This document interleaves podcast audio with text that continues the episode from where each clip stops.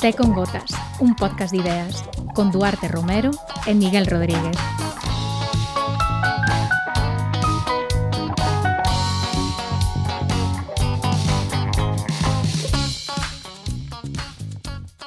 Oe, Miguel, ti algunha vez pensaches en montar unha empresa? Pois así seriamente non, nunca tiven unha idea que diga que dixese, bueno, isto é comercializable, podo montar unha empresa, pero bueno, sempre me rondou a cabeza a posibilidade de, de ter así o meu negocio e demais. E cadra, o máis próximo que estiven a montar unha empresa foi cando fixen así algunha incursión como freelance, pero despois dunhas semanas nese mundo dime conta de que non é práctico vivir de freelance e, e, e deixei un pouco de lado e volvíme o mundo do, do asalariado. Pero, non, así como un proxecto real de pensalo seriamente, facer contas e tal, non, nunca, nunca pensei en montar unha empresa. E ti, Duarte? No, eu estou como a ti, eh? ou seja, sí que é algo que ti pensalo a nivel abstracto, no? pois igual non me importaría, pero nin hai ideas, eh, nin por outra banda necesariamente estou nun momento no que queira deixar a as comodidades que tamén ten ser asalariado, non? Que tampouco te tes que preocupar moitísimo eh, unha vez que rematas a túa xornada de, de traballo, non tes que estar seguindo facendo contas, nin, eh, nin agobiarte, pois, por se si algo vai mal, pois sempre podes cambiar de traballo, etc. Entón, esa tranquilidade, pois, tamén tamén agradezo e non sei se, se me vería, pois, eh, asumindo o risco que, que implica que implica montar unha empresa. Pero bueno, eso, a veces en abstracto, pois é algo que non necesariamente me importaría. Pero bueno, Miguel, por que estamos falando desto? Non é o xeito máis habitual de, de comezar o podcast. Non, non é, pero eh, falamos disto porque, bueno, moitas veces eh, damos moita importancia ou hai moito debate sobre eh, como se pode repartir a riqueza e algo que no noso programa pois temos falado, pero eh, falase menos de como creala, non? E cando falamos de como crear riqueza nun contexto como o europeo ou nun contexto como o galego, como o galego, pois necesariamente temos que falar da economía do coñecemento, de innovación, de empresas innovadoras. Uh -huh. E iso nos leva pois o que, bueno, algo que nos últimos anos se se ven falando moito, que son os polos de startups, é dicir, como podemos facer que eh, aparezan empresas, pequenas empresas innovadoras que no futuro pois podan medrar, crear riqueza e crear traballo. Mm, se mm. pensamos en polos de innovación na Península Ibérica, por falar un pouco pois do noso entorno máis próximo, probablemente se nos virían á cabeza pois o caso de Madrid, o caso de Barcelona, o caso de Lisboa, pero tamén hai hubs innovadores en cidades máis pequenas e que probablemente pois son máis homologables ás cidades galegas ou o que pode ser eh, Galiza, non? O que pode ser toda esa franxa da, da AP9. Un caso pode ser Valencia, un caso pois pode ser Málaga tamén, onde nos últimos anos pois foi noticia porque ali eh, se asentaron empresas importantes como como Google e como Vodafone montando pois centros eh, tecnolóxicos e eh, comprando mesmo empresas pequenas startups innovadoras. Eh, precisamente eu creo que tamén o caso de dunha cidade como Málaga é máis homologable eh, para Galiza, porque non somos unha grande cidade europea, por moito que, bueno, aquí sexamos máis de que Galiza son eh, unha gran eh, unha gran cidade con sete núcleos descentralizados, pero eh, eso, non somos un, unha gran cidade. Entón, exemplos pois máis pequenos creo que son máis homologables para facernos a pregunta realmente de si podería chegar Galiza a estar nunha posición así. Poderíamos nós desenvolver un polo ou un hub para eh, ter startups innovadoras?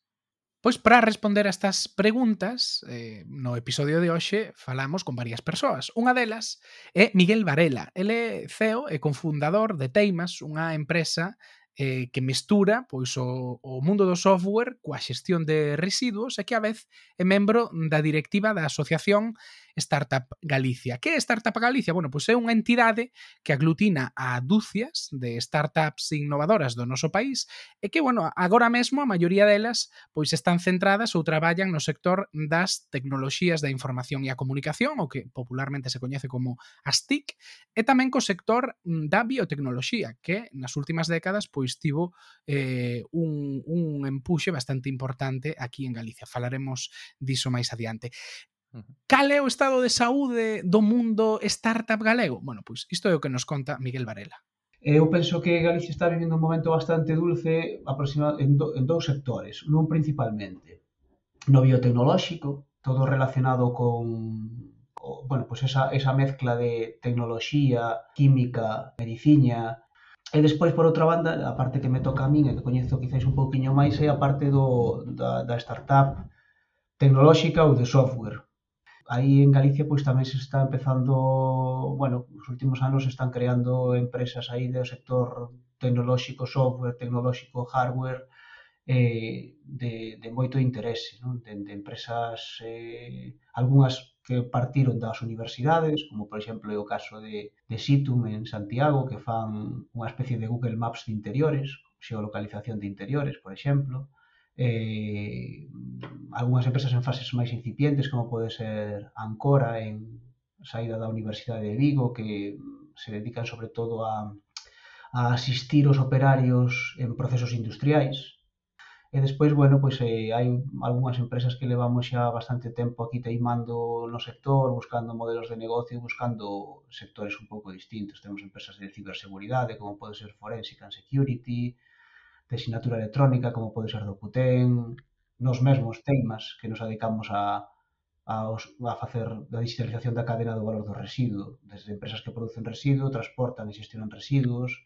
Entón, bueno, eu diría que nestes momentos se está vivindo un momento dulce, onde cada vez hai máis compañías, onde xa empeza a haber algún caso máis ou menos de éxito, e sobre todo cun entorno macro que agardemos que non se torza por isto que vos comentaba, onde o certo é que hai máis diñeiro que nunca para, para conseguir investimento en, en proxectos que sexan eh, que teñen un potencial de crecemento alto. Pero máis aló de coñecer o estado de saúde non do sector das startup aquí no te con gotas, sempre queremos falar de ideas, queremos saber como podemos eh, chegar non a un obxectivo ou como podemos mellorar nun determinado sector. En este caso, que nos faría falla a Galiza como país pois para poder ser este este hub de eh, innovador.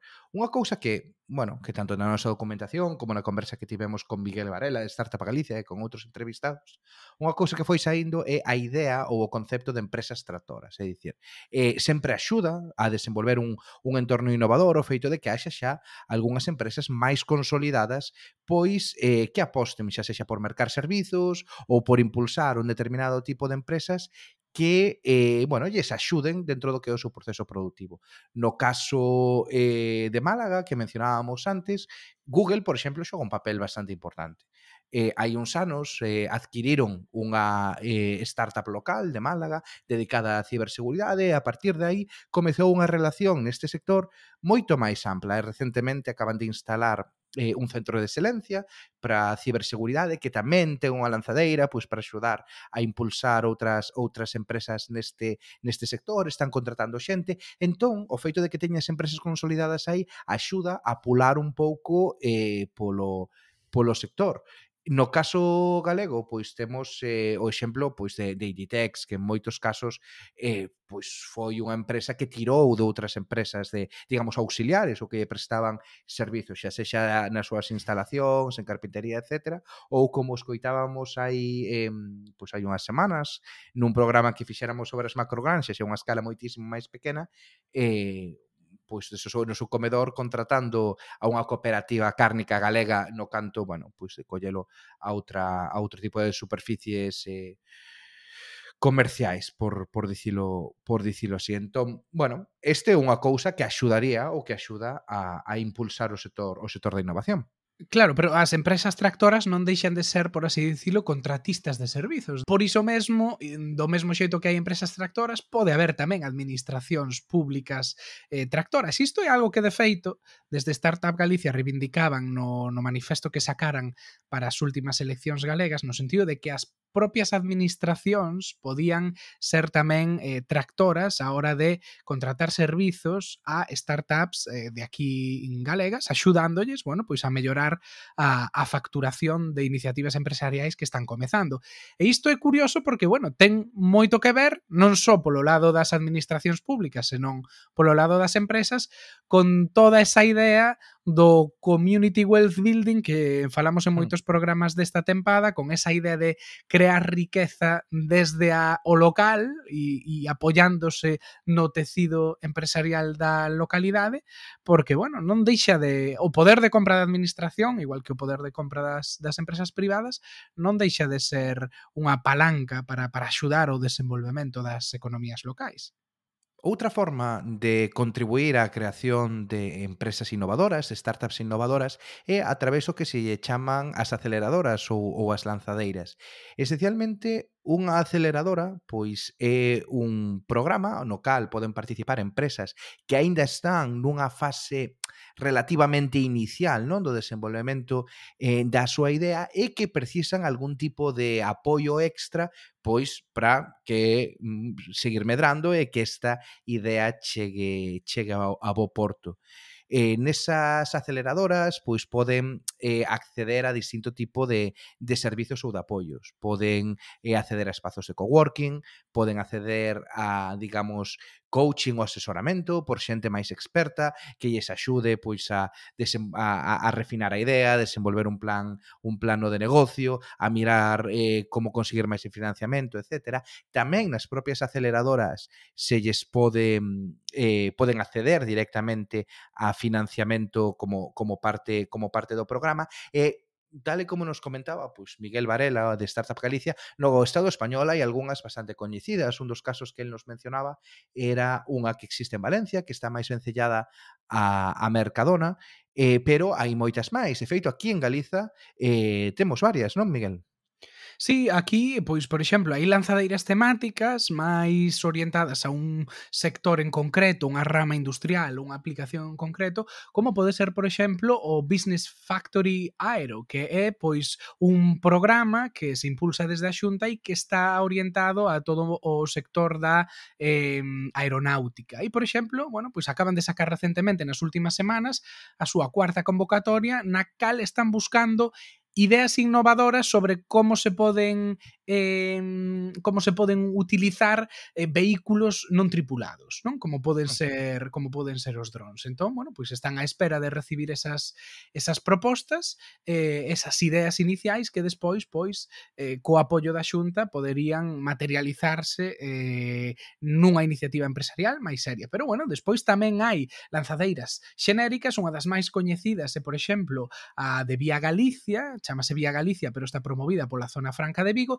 E aquí pois temos eh, empresas do máis diverso. Temos pois desde unha empresa que se chama Saega, que está eh, pois orientada a tema de solucións aeronáuticas, a outros nomes que o mellor pois o consumidor eh, eh, de produtos agroalimentarios nos sonan máis, como pode ser o caso de Calabizo, eses eh, chourizos veganos que se fan con, con cabaza, eh, a marca de tés Orballo ou a marca de postres Verso, que son este, Versos, que son estes postres que, que se venden pois en, en moitos locais de hostelerías e en, en tarriños e que, e que están moi ricos. Entón, bueno, pois son pequenas iniciativas que, como vedes, teñen o seu punto de innovación, nacen en, en aceleradoras, pero, bueno, pois abranguen sectores do máis, do máis diverso. Pero, claro, aquí a pregunta que nos facemos e que lle fixemos a, a Miguel Varela de Startup Galicia é se realmente estas eh, lanzadeiras, estes proxectos funcionan a hora de consolidar novas empresas innovadora, innovadoras? Isto foi o que nos dixo. Sí, eu diría que sí, pero eh, en xeral un tema é que nos faltan números. Claro, ti me preguntas, estas aceleradoras teñen éxito? E claro, é que me vexo, eh, me vexo obrigado a eh, acudir ao tópico, depende, o sea, é dicir, que algunhas iniciativas emprendedoras eh, saíron moi ben destas aceleradoras, dende logo, sí, pero a mí o que me gustaría saber realmente é por cada carto invertido, canto se sacou. Non por, fiscali non por fiscalizar, senón por saber se realmente eses cartos ten sentido investilos noutra cousa. Ou non, ou resulta que, ou resulta que en vez de 15 teñen que ser 50. Entón, a mí iso me parece un tema clave, non? Igual que ti cando tes unha empresa e tes que vender o teu produto, tes que investir en marketing e andas aí controlando, bueno, pois pues se meto en anuncios de Google, metín tanto e recibín tantos eh, potenciais clientes. Eh, as accións que fixen de forma directa, metín tanta pasta, recibín tanto, e eh, ta, ta, ta, ta, ta, ta, ta, ao final ti determinas, bueno, pois pues esta é a vía máis axeitada para conseguir clientes. Veña, o meto todo aí, ou meto gran parte aí. Pois aquí, baixo o meu punto de vista, é o que falta.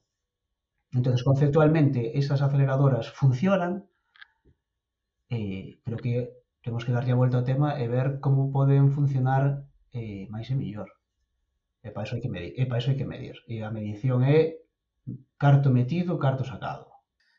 Pero máis alá das empresas tractoras, máis alá das lanzadeiras, cando se trata de montar unha startup innovadora ou unha empresa en xeral, hai un elemento que é fundamental e é o financiamento. No caso das startups innovadoras, pois ten moita importancia iso dos fondos de capital risco, iso dos business angel, é dicir, son fondos que teñen cartos que deciden investir en iniciativas pois que a priori son arriscadas, pero coa expectativa de que no futuro pois acaben sendo disruptivas ou tendo éxito e eh, acaben, bueno, pois eh, devolvendo os rendementos dun xeito ou, ou doutro.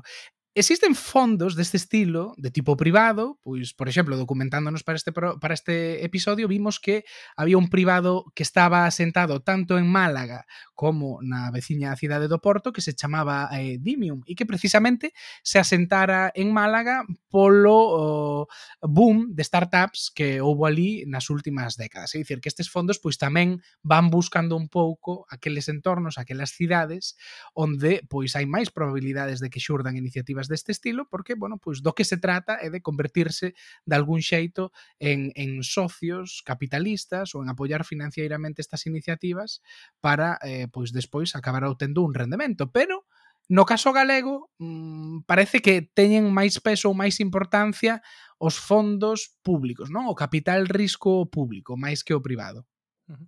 Bueno, claro, nós tampouco sabemos exactamente cales son as cantidades, non de canto ven do, do, do público do privado, pero está claro que a Xunta de Galicia pois tamén fai o seu, as súas apostas, as súas investimentos eh, de capital risco a través dunha entidade pública que depende mm, eh, bueno, do IGAPE e, e da Consellería que se chama Xes Galicia e a través disto participan ou invierten en distintas eh, sociedades, en distintas iniciativas que consideran que pode ter eh, un impacto positivo. Tamén eh, ao propio Xes Galicia pois pode servir para captar ou capturar eh, outras formas de capital privado, de xeito que cando hai unha iniciativa, eh, unha parte veña do, do sector público, unha parte veña do sector privado, todos estes, eh, digamos, investimentos do sector público canalízanse a través de, de Xes Galicia. Falando con Miguel Varela de Startup Galicia, isto foi o que nos contou da, da súa relación ou do seu coñecemento cos fondos de capital risco públicos. Eh, sí que é certo que a administración pública, por exemplo, no caso de, de Galicia, pois ten algunha entidade de capital risco, como é o caso de Xes Galicia, por exemplo, que é unha entidade dependente do IGAPE, eh, que inviste en distintas fases das empresas. Eh, fase un pouco máis eh, semente, que unha fase máis eh, inicial, por así dicilo, en fases máis de crecemento, por así dicilo. Eh, esta, estas entidades tamén o que están facendo é eh, atraer investidores privados baixo o esquema de coinvestimento, é dicir, Vale, pois, eh, por exemplo, se es Galicia sei que ten acordos con tres fondos de investimento privados, eh, eh, un de Madrid, outro de Valencia, outro de Barcelona, etc. E basicamente, pois, eles dixen, bueno, pois mira, se nós poñemos, non sei, medio millón de euros nesta compañía, vos poñedes outro medio millón de euros nesta compañía. Non? En ese sentido, tamén, digamos que se lubrica esa, esa, posible, esa posibilidade de financiamento. Eu penso que iso é unha boa, unha boa vía. Ainda que quizáis eu neste momento o que penso é que eh, falta un anaco entre o salto o que se, na fase que se chama presemente ou presiv, que é na fase no, que alguén está teimando nunha idea e quere dar o salto xa a, digamos, constituir esa sociedade, e empezar a desenvolvela, etc. Nos detectamos que aí hai un, un, un gap ou un anaco ou un, ou un buraco ou algo así importante que sería interesante cubrir e que nestes momentos sí que vemos que a administración non está tan centrada nese aspecto. Quizás aí, por exemplo, redes de, de investidores de business angels que se chaman, etcétera, sería interesante. En xeral, é tamén un dos obxectivos de Startup Galicia, será un ecosistema que sexa máis favorable para o emprendemento, non? por compartición de coñecemento, por a posibilidade o mellor de acceder a determinados microfinanciamentos, ou a veces nos chegan pois xente que nos comenta algunhas ideas e, que ao mellor non acaban de dar o paso ese de ir ao notario e constituirse no registro mercantil. Eu entendo eh, perfectamente, se che fai todo un mundo, non? Pois algo que rubrique tamén esa parte e que axude a que, a que deas ese salto tamén. Precisamente un sector onde o apoio público e a iniciativa pública xogou un papel moi importante foi no desenvolvemento do sector biotecnolóxico en Galiza, que a día de hoxe, eh, bueno, pois xa ten un certo tamaño, un tamaño considerable e está medrando eh, moito ano ano tras ano. Pero antes de nada, un pouquiño de, de nota ao pé. Que é a biotecnoloxía ou a que nos referimos cando falamos da biotecnoloxía? Bueno, pois en xeral isto é un concepto eh, moi transversal, non? E refírese a calquera aplicación tecnolóxica que utilice organismos, eh, digamos, que estén vivos, de aí a parte, a parte bio, pois para crear produtos ou para mellorar procesos, etc. E aquí podemos atopar de todo, podemos atopar desde a industria farmacéutica, que utiliza eh, pois moitos procesos que se poden calificar como biotecnolóxicos, entre a industria do, da cosmética, pero tamén podemos ver incluso eh, sectores eh, digamos, como agro, agrogandeiro ou, ou o sector alimentario que tamén utilizan eh, procesos eh, procesos bio, biotecnolóxicos.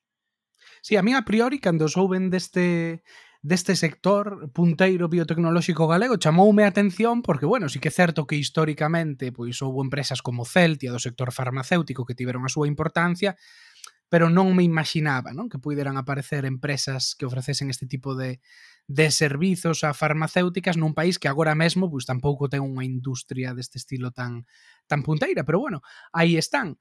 Eh, eh, para entender, bueno, pois as causas eh, deste deste caso de éxito, pois falamos con Julio Martínez, que é xestor de proxectos do Clúster eh, Galego Tecnolóxico Empresarial das Ciencias da Vida, máis coñecido como Bioga.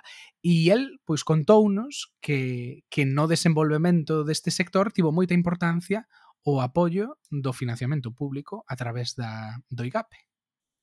Bueno, no noso sector son, son clave. O sea, é un sector que, como os comentaba, moi intensivo en, en I de Masí, moi intensivo en recursos, eh, non pode evolucionar se non é baixo un modelo de colaboración público-privada.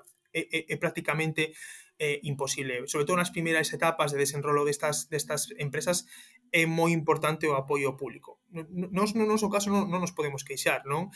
Eh, sí que é verdade que foi unha labor de moitos anos de, de, de conciencialos, non? De, de importancia que, que tiña ese cambio de modelo productivo, nos escoitaron, en Galicia en ese sentido non, non temos queixa, non? Creo que, que moitas veces falando con outra rexión nos pon tamén un poquinho de, de referencia en este en sentido, xa, xa os digo, somos a única rexión a nivel nacional que ten unha estrategia propia para, para o sector. Eh, outras, eh, outras rexións son moi importantes, pero non teñen unha, unha folla de ruta como a temos nos, pero son, son, son clave. Digamos que o noso principal interlocutor en este caso é a Xencia Galega de Innovación, que un pouco eh, en colaboración con eles e co tecido productivo sacamos esa, esa, esas estrategias, non? Primeiro a de impulso, eh, logo a de consolidación, e os organismos públicos como poden ser SES Galicia, non? Que digamos que o, o brazo inversor de, da Xunta de Galicia son, son fundamentais, non? Porque moitas veces os, os investidores de fora de Galicia buscan apoio, é dicir, eu vou a invertir en Galicia, vou a invertir nunha empresa de base tecnolóxica que, que, que moitas veces teñen moito valor engadido, pero tamén teñen moito risco, non? Entonces,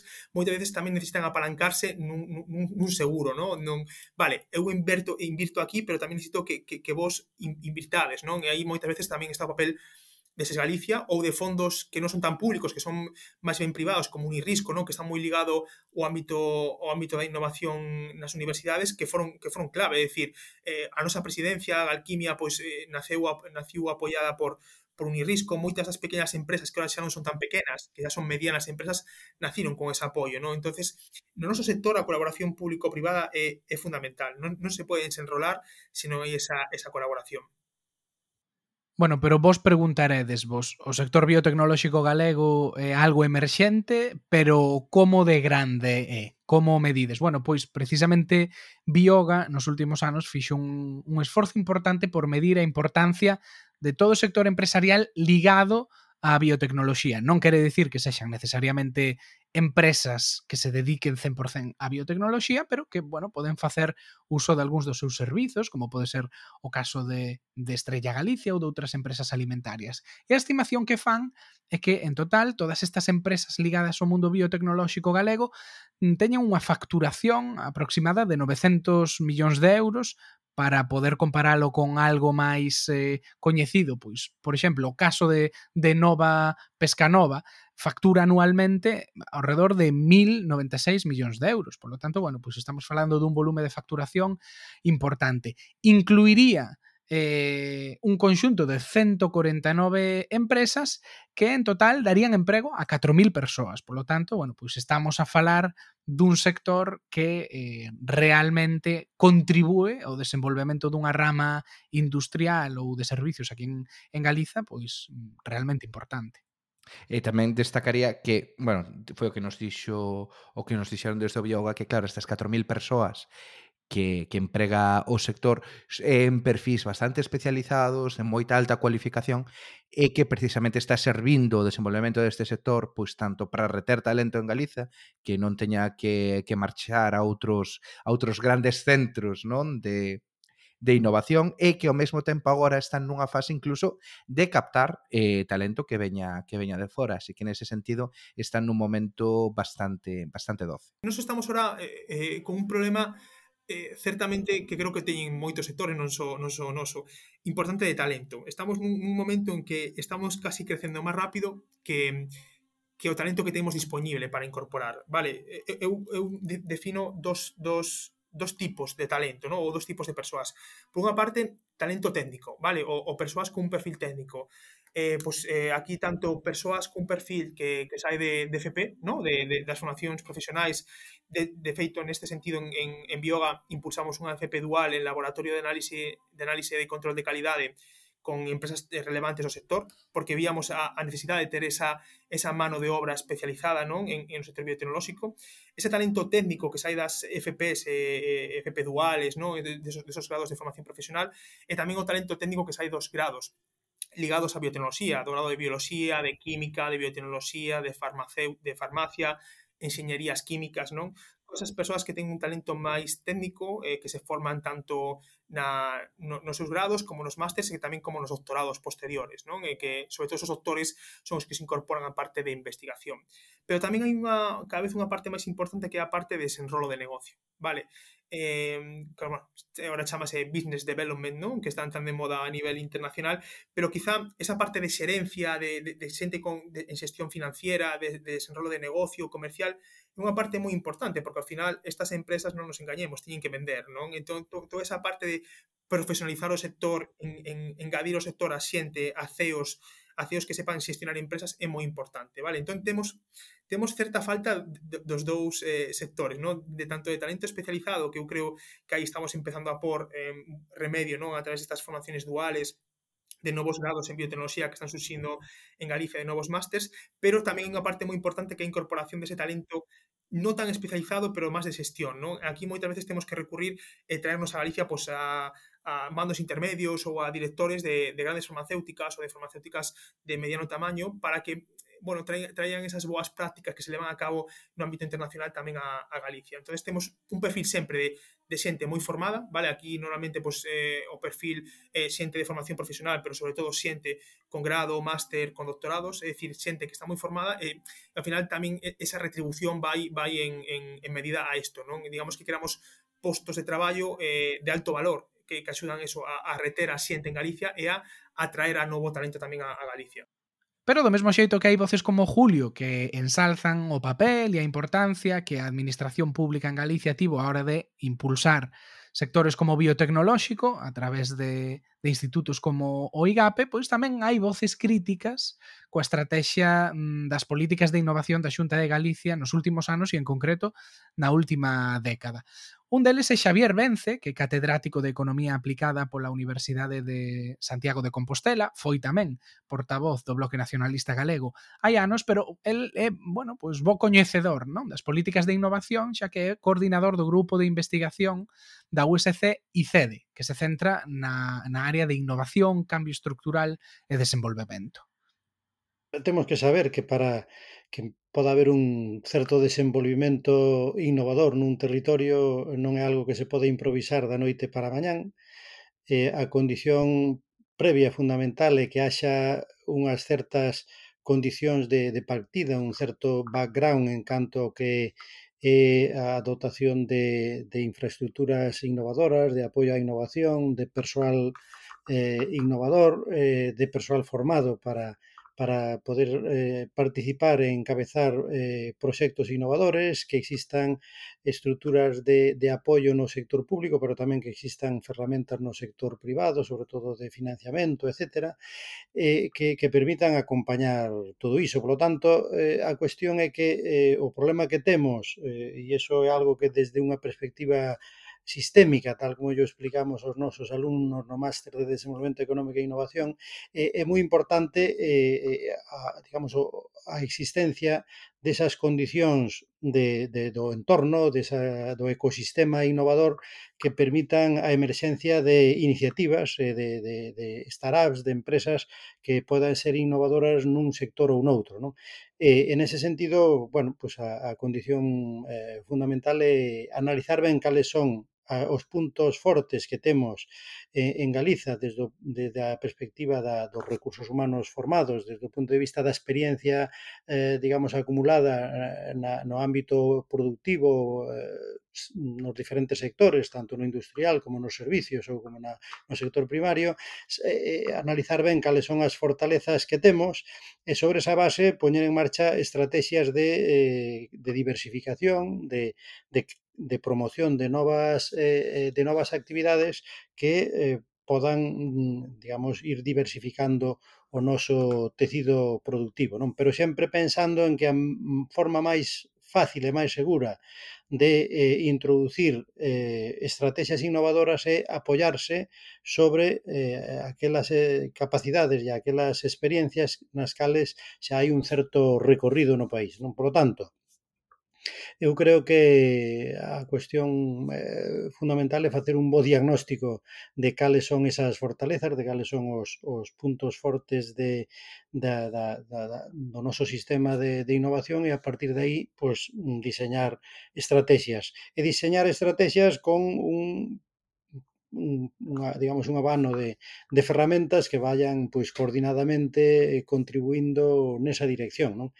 Entón, bueno, nese sentido, pois eu creo que hai moito por facer porque a política que se implementou hasta agora pois foi bastante dispersa, foi un pouco a saltos, foi eh, con dando paus eh, aquí e paus ali, pero sin unha estrategia sostida no tempo e eh, coordinando os instrumentos eh, de, de, de todo tipo, tanto de, de impulso eh, da capacidade de I+D como de, de, crea, de promoción de empresas, de fondos de financiamento eh, de formación de recursos, eh, de, de, búsqueda de mercados, de compra pública orientada a tirar desas, eh, desos novos sectores ou desas novas actividades. Entón, eu creo que falta moito por facer porque non houbo uh, realmente, desde o meu punto de vista, casi nunca unha, unha estrategia realmente ben articulada e combinada eh, para tirar da innovación en uns determinados eh, ámbitos ou nuns determinados ámbitos eh, sectores. Non? Entón, bueno, eu creo que o primeiro problema é o, o plantexamento de conxunto, porque plantexar algo nesa dirección implica asumir que que temos que contar coa base que existe na, na, nas universidades, nos centros de investigación, na sociedade, no mundo empresarial, etc., pero ten que haber unha estrategia clara eh, de, de, por parte do, do goberno, dos gobernos, das administracións, eh, que articule ben esas capacidades e as oriente nunha determinada dirección, consensuando estrategias, pero cunha, estrate, cunha dirección que ten que estar clara. E para iso o goberno ten que ter esa estrategia clara eh, de que é o que realmente eh, compre aquelo polo que compre apostar, e, e, e facelo. E iso require unha vontade de, de acción de goberno, de, de clareza de obxectivos e de estrategias e de vontade de, de, de intervir na, na orientación, digamos, estratégica da, da economía galega que hasta agora pois non tiveron os gobernos galegos. Non? Entón, esa é a primeira condición para min. Non?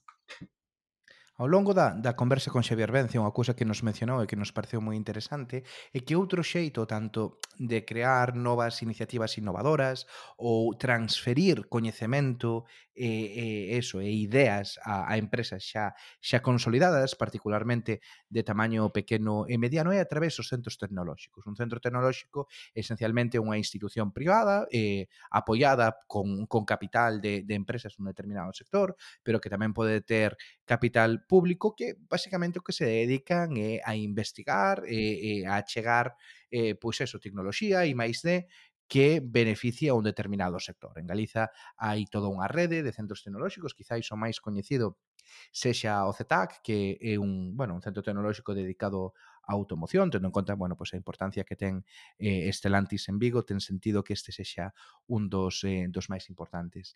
E, eh, bueno, Xavier Vence, na, na, na entrevista que tivemos con el, contounos un pouquiño eh, sobre o, o potencial que teñen estes centros tecnolóxicos, pero tamén as limitacións que, desde o seu punto de vista, ten a política da Xunta respecto dele. Unha das eivas que tivo nas últimos anos a, a política galega de, de innovación é que eh, meto, meteu, a partir de 2009, meteu un freo na estrategia que no, nos, nos anos previos houbera de, de reforzamento de todo o tecido de, de centros tecnolóxicos, que eu creo que son moi importantes para apoiar a innovación na pequena e mediana empresa en todos os sectores que existen no país, que todos necesitan eh, eh, innovación, non?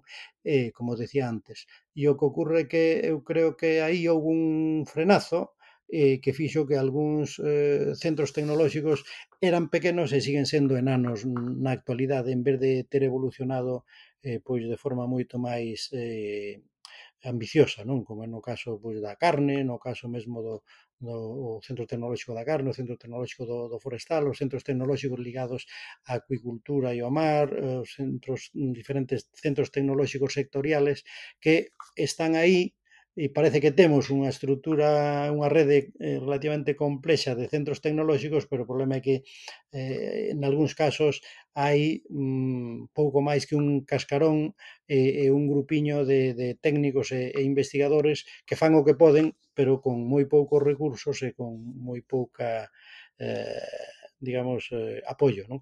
Entón, nese sentido, eu creo que eh, unha das liñas eh, importantes eh, para eh, promover a innovación nun país como o noso donde o predominio das pequenas e medianas empresas é absoluto e non temos moitas grandes empresas, pois eh, eh a, a estrategia ten que ser precisamente crear estructuras colectivas de apoio á innovación que podan servir de, de, de base, de, de, de ferramenta eh, de auxilio e de apoio a ese tecido de pequenas e medianas empresas.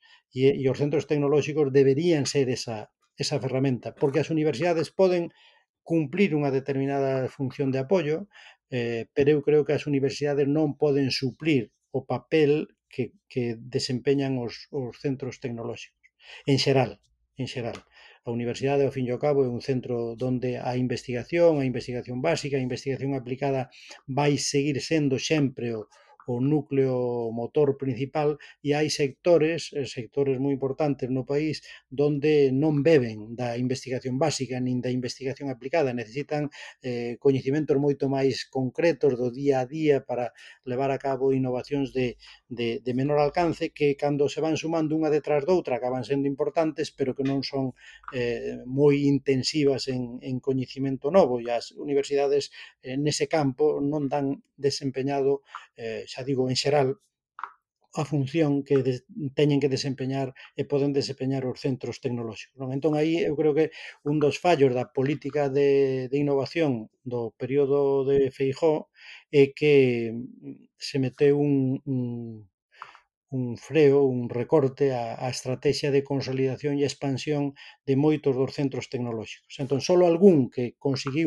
voar por libre, como é o caso do CETAG ou hasta certo punto, aínda que en menor medida, eh, o, o Ceco Pesca de, de, de Anfaco, eh, o resto que necesitaban aínda eh, amparo e apoio eh, público, pois eh, non, non, non, non seguiron medrando, non, non, non creceron. Non? Pero estivemos falando de innovación e falando moito do sector das TIC, de biotecnoloxía, parece que cando nos referimos a isto de innovar, pensamos no típico científico con bata e probeta facendo experimentos nun laboratorio, pero innovar non é só iso, podes innovar eh, sen necesidade de facer ese tipo de, de experimentos ou sen chegar a tecnoloxías disruptivas e podeno facer pois desde grandes empresas ata pequenas e medianas empresas. Lóxicamente, as grandes empresas eh, terán máis facilidade e máis financiamento, pero bueno, pensemos, por exemplo, no caso de sectores maduros como o textil, e no caso galego falando do textil hai que falar de Inditex, aí pois introducíronse nas últimas décadas innovacións moi importantes desde o punto de vista logístico ou desde o punto de vista mesmo marxismo, do marketing, que axudan a entender o que é Inditex e o éxito de Inditex a día de hoxe, sen necesidade de tampouco pois estar eh, descubrindo nin patentando novas tecnoloxías todos os días. Disto precisamente nos falaba Xavier Vence.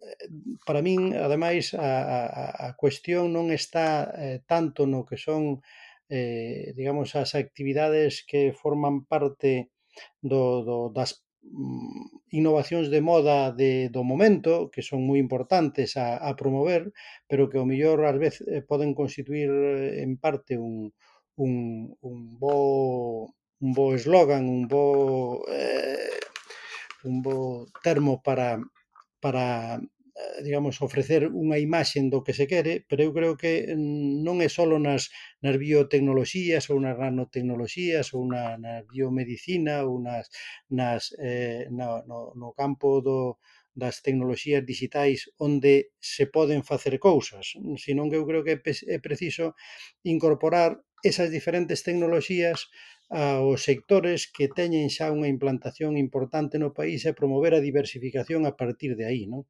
Entón, bueno, eu creo que os sectores con fortalezas e con, con recorrido, experiencia e con capital acumulado e con capacidade de abrir mercados que temos no país, pois están máis ou menos identificados. Eu creo que hai moito hai moito que, que facer sobre a base dos sectores eh, importantes que temos no país.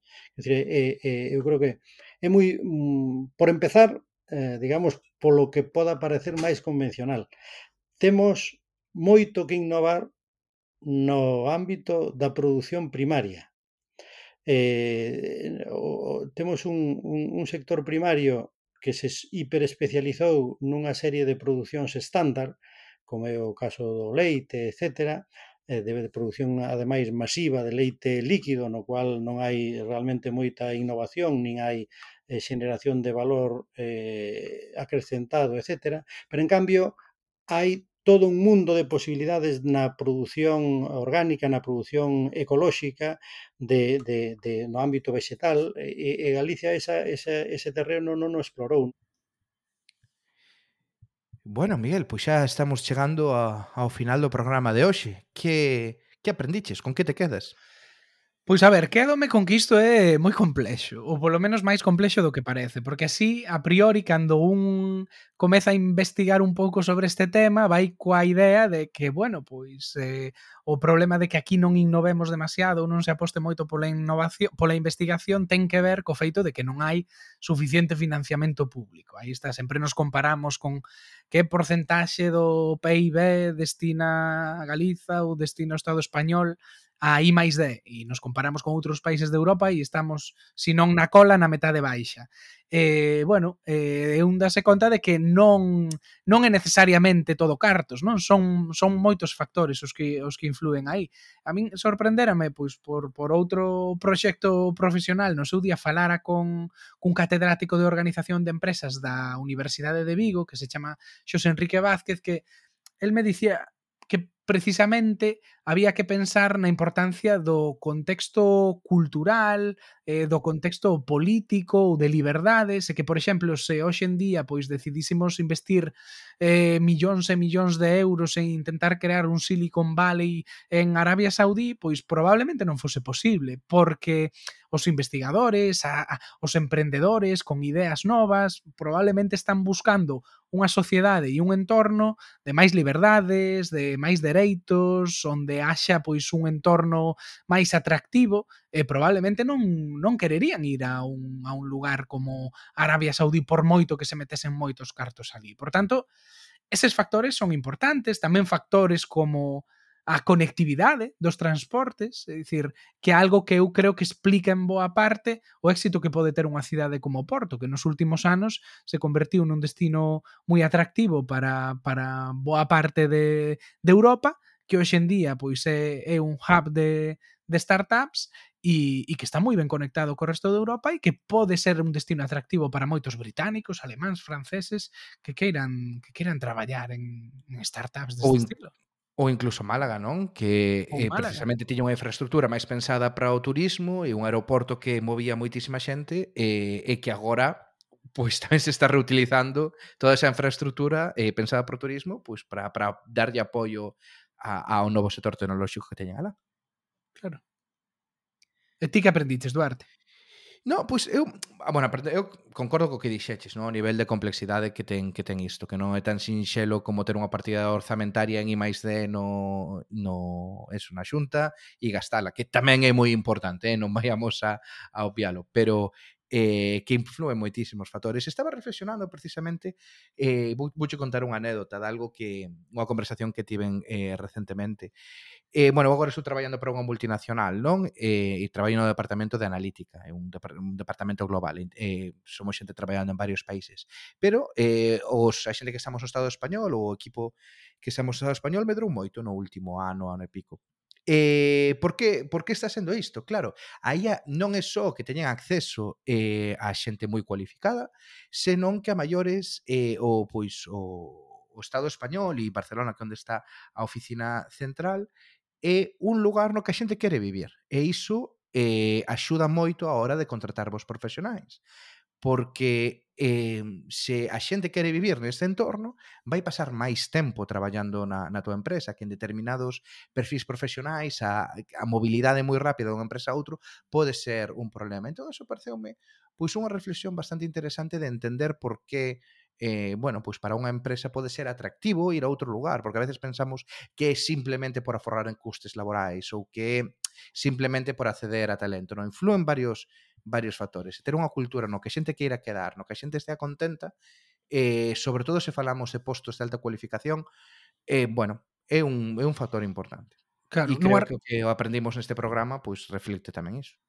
Sí, totalmente. Nunha reportaxe del diario.es, precisamente falando sobre o caso de Málaga, que lle chamaban, bautizábano como Málaga Valley, eh, dicían que era importante o feito de que ali pois había varias eh, escolas bilingües eh, internacionais onde pois os alumnos podían eh, aprender desde cativos eh, o inglés, o alemán, o francés e que iso era moi atractivo para profesionais que viñan deses países que lles gustaría sentarse ali coa súa familia e ao mesmo tempo pois eh, lograr que os seus fillos puideran manter a, a, as súas eh, linguas. Eh, entón, bueno, pois ese, ese tipo de detalles series que moitas veces pois parece que non teñen nada que ver, ¿no? ou que a priori ninguén pensaría que teñen nada que ver coa innovación, pois non deixan de contribuir a que haxa un entorno propicio para, para atraer todo ese talento e atraer ese tipo de investimentos.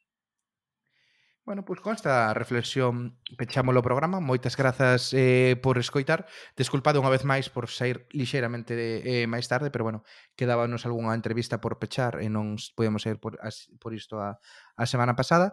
Eh, como sempre, podedes nos escoitar, eh, bueno, podedes vos suscribir en calquera plataforma na que escoitades os podcast, se, e seguirnos en redes sociais, Twitter, Instagram, Facebook, e eh, suscribirvos ao noso newsletter. Eh, como, bueno, lembrade tamén que temos un Patreon, patreon.com barra tecongotas, onde, bueno, podedes apoiar este proxecto. En calquera caso, escoitámonos a semana que ven por Tes en Gotas.